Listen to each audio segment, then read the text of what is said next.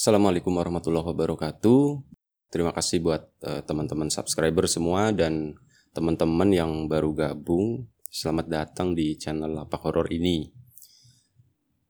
Kali ini gue akan share satu cerita yang pernah gue alamin sendiri. Itu pas gue jadi relawan tsunami Aceh dulu.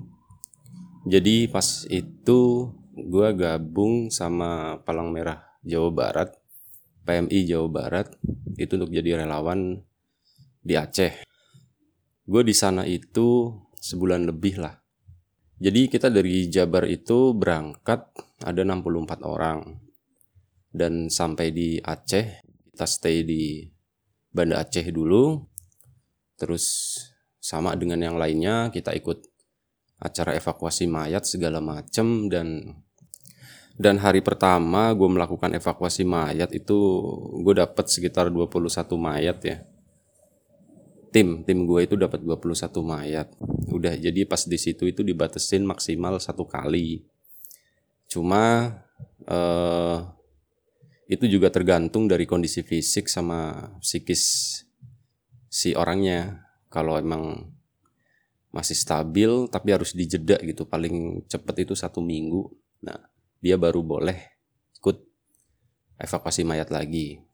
Tapi kebanyakan sekali dan gue sih nyampe tiga kali di sana melakukan kegiatan itu. Jadi setelah dari Banda Aceh eh, kita dikirim ke Lamno, kita lama di sana, ada dua minggu lagi lah, dua minggu lebih kita di Lamno. Nah habis dari Lamno itu kita balik lagi ke Banda Aceh. Jadi pas awal kita datang ke Aceh itu kita kan uh, base campnya di dealer atau showroom kalau nggak salah showroom Suzuki gitu. Showroom mobil itu lumayan besar, itu kita pakai di sana.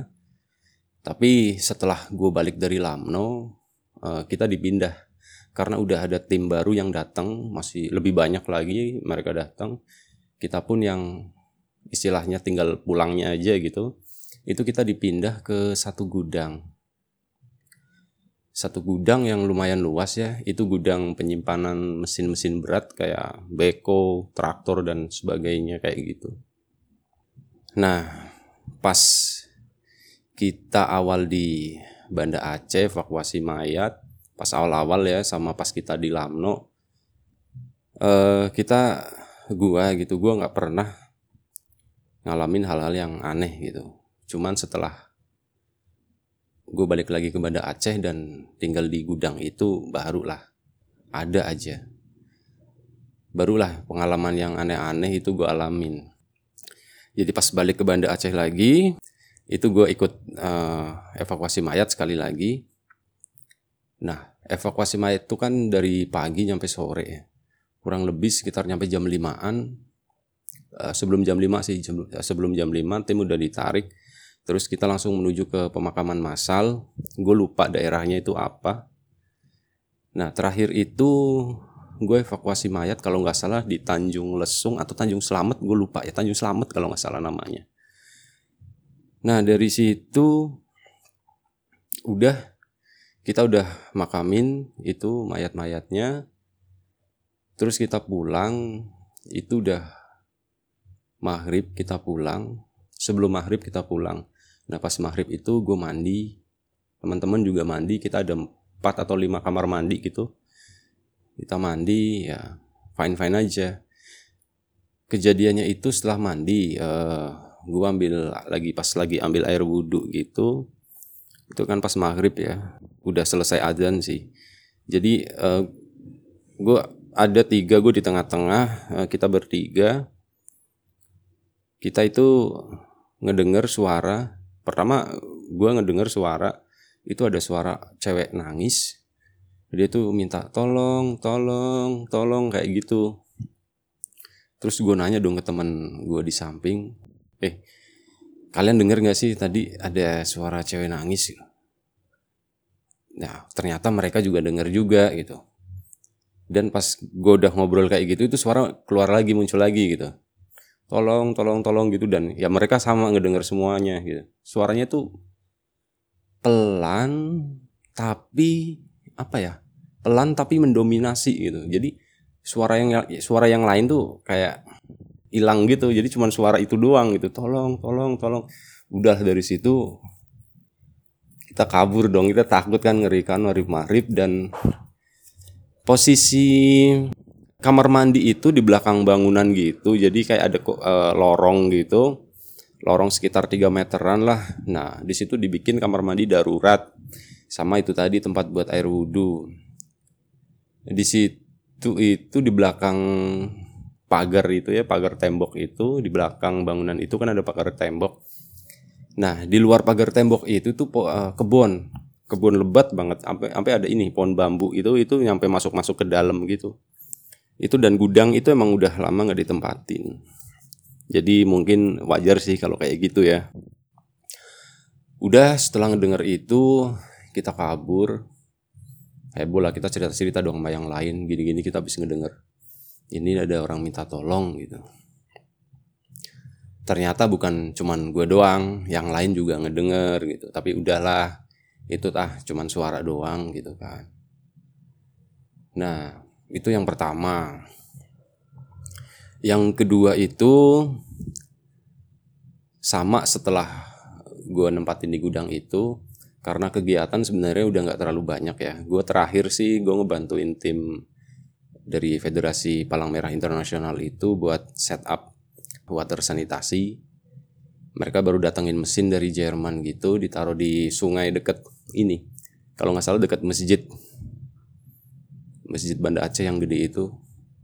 Di deket situ, itu air, airnya diambilnya dari sungai, terus langsung keluar jernih dan itu bisa diminum, itu bisa dikonsumsi langsung. Keren lah pokoknya.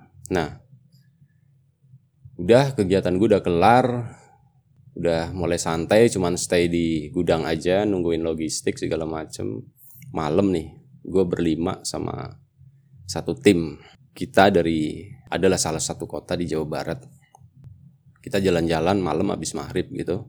Itu kan di sana pasca tsunami itu abis maghrib aja udah sepi banget. Jalanan tuh nggak ada orang lewat. Jadi cuman kita aja kita ngobrol deket sih nggak uh, kita jalan deket nggak jauh ya. Eh, masalah keamanan juga belum stabil waktu itu kan. Kita cuma jalan cuma ngerokok udah habis itu kita pulang lagi. Nah pas itu tengah jalan kita tuh ketemu perempatan. Ada perempatan besar di situ yang lampunya juga terang lampu jalannya gitu itu kita kaget. Kita tuh ngelihat ada motor ini Honda Jupul itu jalan di depan kita lewat tapi nggak ada yang nunggangin nggak ada ininya nggak ada ridernya. Itu motor jalan sendiri tet gitu tapi nggak ada orangnya. Itu udah dong kita langsung balik badan udah pulang yuk pulang pulang gitu. Ternyata nggak cuma di gudang aja di jalanan juga ada aja kayak gitu. Udah kita balik. Nah ya yang terakhir itu itu sama malam itu juga habis kejadian itu malamnya jam 10 kita itu udah mau istirahat. Itu datang dua kontainer itu ngebawain air mineral katanya sih sumbangan dari Korea Korea Selatan. Dan malam itu juga harus kita bongkar dua kontainer itu. Udah kita ada tuh 64 orang kita turun 64 plus berapa orang itu orang bule juga ikut juga di sana ada 16 orang bule itu yang gue handle ya eh, kebetulan gue ada ini juga tugas juga buat ngedampingin mereka. Nah, pas itu udah kita turunin itu semuanya turun. Nyampe tinggal dikit nih sekitar nyampe jam 2-an kalau nggak salah. Itu udah tinggal setengah lah, setengah kontainer udah dikit lagi. Yang lain juga udah pada tepar, gue juga udah istirahat kan. Ada beberapa sih yang masih nurun-nurunin termasuk itu kayak kenek-keneknya itu. Nah pas lagi istirahat, jadi gudang itu kan gudang yang pakai rangka baja itu yang tinggi tuh ke atas. Nah, lampunya kan lampu ngegantung ke bawah. Jadi tuh kalau malam itu atasnya tuh gelap, bawahnya yang terang gitu kan. Kita lagi santai duduk di bawah itu masih ada orang yang ngangkutin itu air mineral. Kita ngeliat ke atas gitu.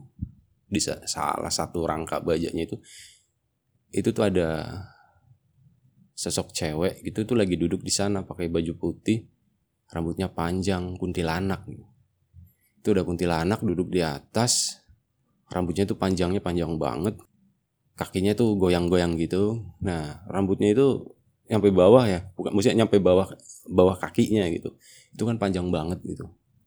Ngegantung gitu. Sama ada sebagian yang ini sih nyangkut di besi itunya di besi bajaknya itu di rangka bajaknya itu. Gue dikasih tahu sama teman gue bukan gue yang pertama lihat. Di eh lu lihat deh. Itu lu ngeliat bisa lihat itu nggak? Iya. Anjir itu apa sih itu kuntilanak ya? Iya gitu. Sesudah ternyata yang lain juga ngeliat gitu kan. Kita adalah bersepuluh itu ngeliat cuman udah ah ngeri ah gue gue ngeri dia nengok gitu kan. Udahlah bodoh-bodoh udah kita pura-pura nggak tahu aja deh kita istirahat aja deh gitu kan. Udah akhirnya kita istirahat cuman sambil istirahat kita masih ngintipin gitu dan itu masih ada gitu. Itu nggak pergi gitu. itu kayak ngeliatin orang yang lagi kerja gitu. Ya itulah uh, tiga pengalaman mistis gue pengalaman horor gue waktu jadi relawan di tsunami Aceh sono. Ya, sebelumnya gue ucapin terima kasih udah mau ngedengerin cerita ini. Nanti nextnya kita sambung dengan cerita-cerita yang lain ya. Thanks for watching, thanks for listening. Terima kasih. Assalamualaikum warahmatullahi wabarakatuh.